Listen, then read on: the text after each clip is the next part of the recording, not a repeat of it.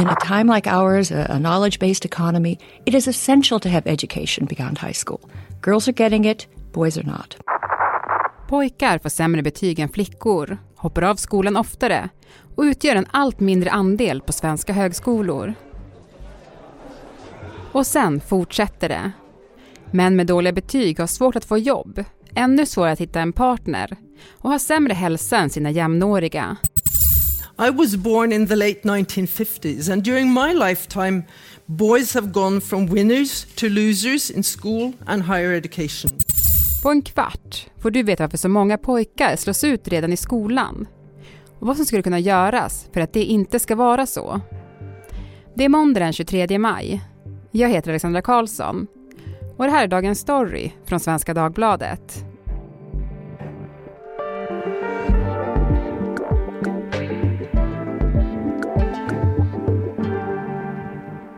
Emma Leinse, reporter på Sydsvenskan och som också skrivit flera böcker om den svenska skolan.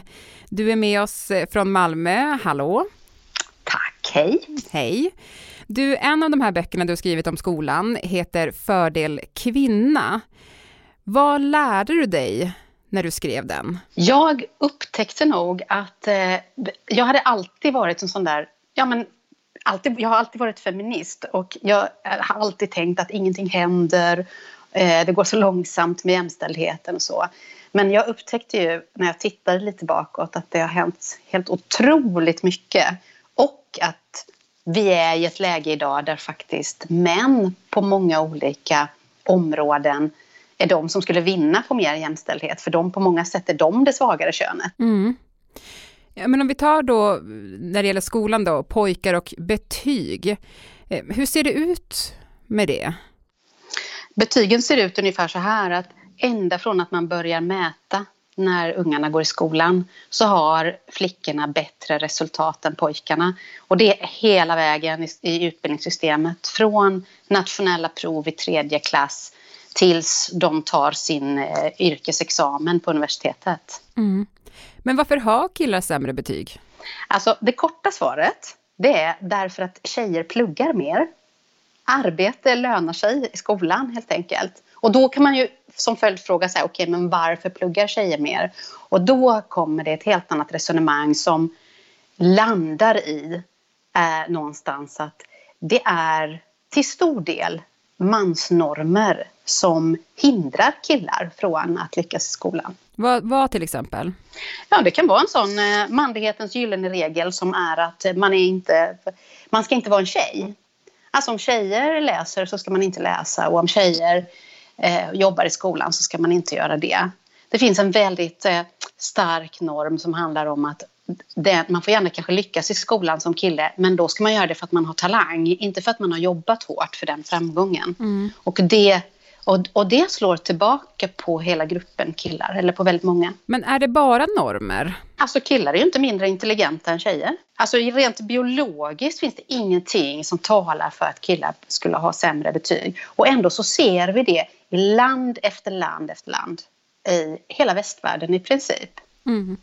Så att det finns ju någonting i eh, som, inte, som inte är eh, kopplat till nutiden, för så här har det varit länge, som inte är kopplat till ett specifikt land, till exempel Sverige, utan det finns i väldigt många olika kulturer, i väldigt många olika skolsystem och har varit så länge. Så, så där, utav det kan man nog dra en slutsats att det handlar, ja, i slutändan handlar det väldigt mycket om vilken bild man har av hur man är som man. Man säger också att killar mognar liksom senare än, än tjejer. Alltså hur påverkar det? Eller tar man hänsyn till det? Det påverkar säkert lite grann. Killar mognar lite senare på två ganska viktiga punkter. Och det, det ena är språkutvecklingen och det andra är förmågan att koncentrera sig. Det är klart att man kan tänka att det kan betyda någonting särskilt när man liksom startar i skolan. Så eh, jag har tänkt tanken ibland att det kanske inte vore så dumt att killar skulle börja skolan ett år senare än tjejer. Eh, och sen kan man också se att killars eh, spridningen när det gäller intelligens är större bland killar än bland tjejer. Tjejer är mer samlade så här, intelligensmässigt på mitten medan killar är mer utspridda. Det är fler killar som är hög intelligens men det är också fler killar med låg intelligens.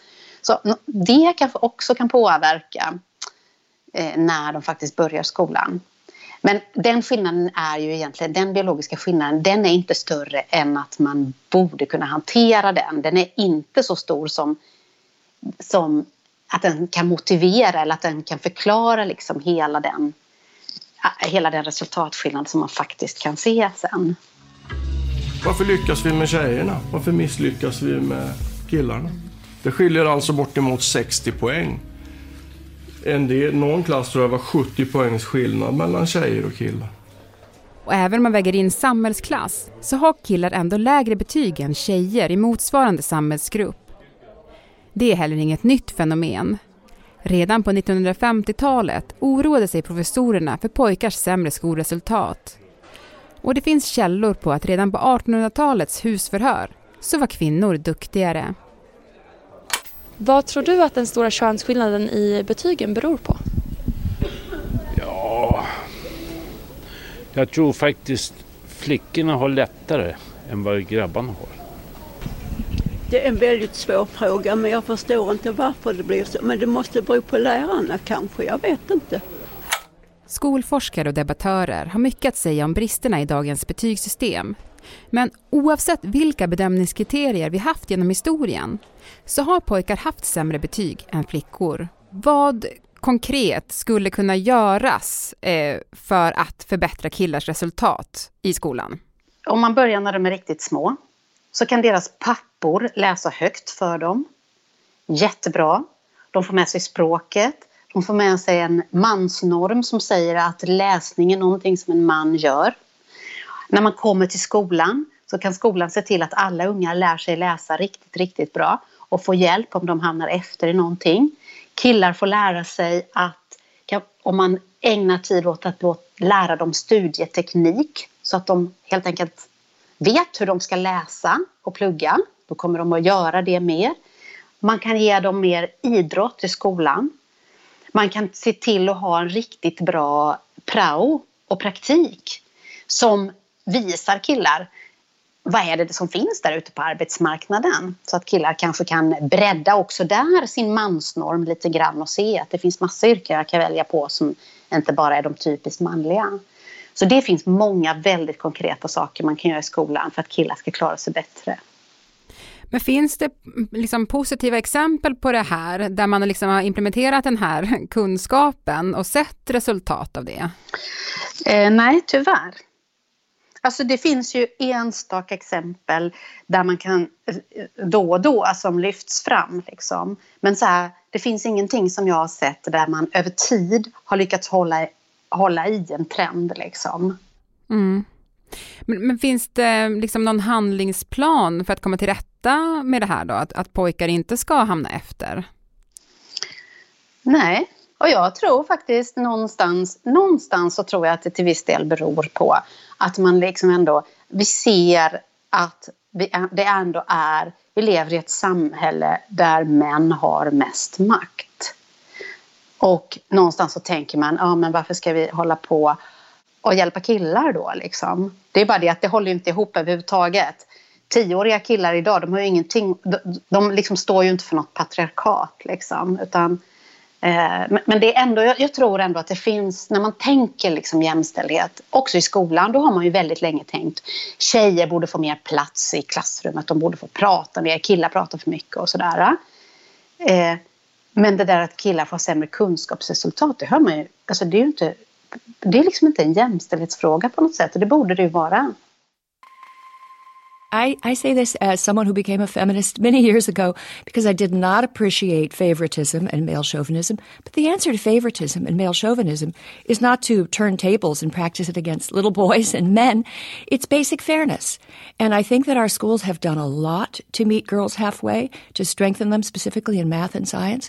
Why don't we try that with boys? Strengthen their reading and writing skills, make school more fun, engage them. Samma fenomen, att pojkar slås ut tidigt, återfinns i hela västvärlden. Så här låter det till exempel i vårt grannland Norge när Camilla Stoltenberg, generalsekreterare för deras folkhälsoinstitut, pratar på ett seminarium om pojkar och skolan. But what seems to have happened is that once girls get equal opportunities in primary school, they perform better than boys. And as a result, more girls than boys make it through high school. And a lot more women than men complete degrees in colleges and universities. Ja, utslagningen som börjar i grundskolan fortsätter sen på universitetsnivå, där kvinnor utgör en majoritet i alla OECD-länder. If that trend continues, by 2025 it'll be closer to 70%. And in the Czech Republic, Iceland, Norway, Slovak Republic, and Sweden, there could be almost twice as many female students as male in higher education. Men vad kan det här leda till då på, på en samhällsnivå om allt fler killar och, och, män slås ut tidigt? Ja, alltså vi har ju till exempel alltså Magdalena Andersson när hon var finansminister så sa hon så här. Det största hotet mot svensk ekonomi och mot vårt välfärdssystem det är att det är så många som inte lyckas i skolan. Så eh, det betyder ju, när du inte lyckas i skolan, det betyder att du har lättare att bli arbetslös, du har sämre ekonomi, du mår sämre fysiskt och psykiskt, du lever kortare och allt möjligt. Och det är inte bara något som drabbar individen utan alla de där grejerna drabbar ju också samhället. Därför att om en individ inte kan försörja sig själv då får ju samhället gå in och göra det. Och sen för killar så tillkommer det en grej, nämligen att tjejer idag de väljer bort lågutbildade killar som pappor och som partners. Så de blir i väldigt hög grad ensamma. Och i den gruppen, lågutbildade, eh, arbetslösa, eh, fattiga, ensamma män. Där har vi mycket av eh, myllan så att säga, till det som politiker pratar om som väldigt stora samhällsproblem idag. Som gängkriminalitet till exempel eller extremism av olika slag om man frågar polisen så är det liksom, vad är det gängkriminella människor har gemensamt? Jo, det är att de har misslyckats i skolan. Så att det får ju jättestora konsekvenser både för individer och för samhället. Mm. Vi har varit lite inne på det här, eh, men, men jag tänkte ändå, kan forna tiders eh, överläge för män, alltså det här att, att tjejer inte har haft tillgång till utbildning historiskt och man har försökt få in tjejer i utbildningsväsendet, kan det göra att vi har blivit blinda för att en stor grupp, grupp män nu slås ut? Det tror jag absolut. Vi ser ju väldigt mycket de som har makt, så att säga. Men eh, faktum är ju att i den absoluta toppen av samhället, där är det mest män. Men i den absoluta botten, på fängelserna och bland de hemlösa, där är det också mest män. Så att, eh, absolut. Mm. Men du, när man vet allt det här då, eh, varför gör man inte mer från politiskt håll? Det är lite en blind fläck kanske. Jag hade verkligen önskat att man kunde tala om jämställdhet på ett annat sätt. Där jämställdhet är någonting som ibland gynnar, eller ganska ofta kan gynna män. För då tror jag också att man hade kunnat få en annan, ja men då hade ju mer, fler män faktiskt så kunnat omfamna det också som idé. Det hade inte varit så dumt. Tack Emma Leinse för att du var med i Dagens Story. Tack så mycket.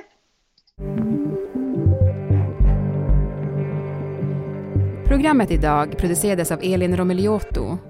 Redaktör var Erika Hallhagen. Och jag heter Alexandra Karlsson. Vill du kontakta oss så mejla till dagensstory.svd.se. Ljudklippen i programmet kom från SVT, NPR, Nordforsk och OECD. Och från UR Play-serien Skolpojkarna och Sveriges Radios serie Kluvet land.